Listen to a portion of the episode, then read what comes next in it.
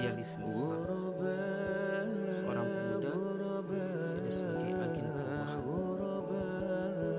Di atas pundak pemuda lah bangkitan Islam itu diraih dan bahkan bukan Islam. Setiap peradaban bangkit justru ditopang oleh peranan para pemuda. Jika kita melihat sejarah baginda Rasulullah Sallallahu Yusuf baginda Rasulullah Sallallahu Alaihi Wasallam, beliau berdakwah disupport oleh para pemuda. Sebelum para sahabat yang dijamin oleh Allah masuk surga, di antaranya adalah para pemuda. Tiga di antara mereka di atas usia 30 tahun, namun tujuh di antara 10 orang itu adalah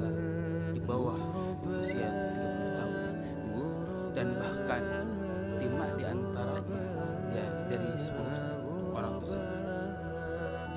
Adalah di bawah usia 20 tahun.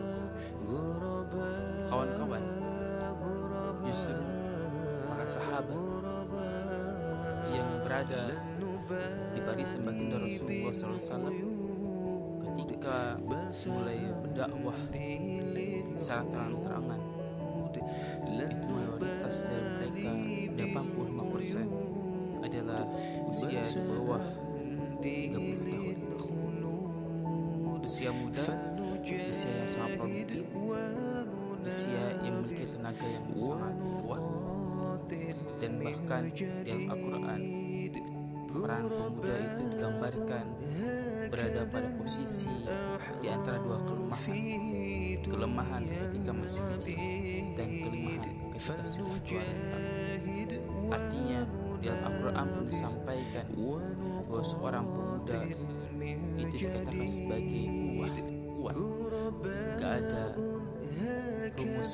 Seorang pemuda adalah sosok yang sangat lesu pesimis putus asa. Tapi justru pemuda adalah tonggak perubahan agen perubahan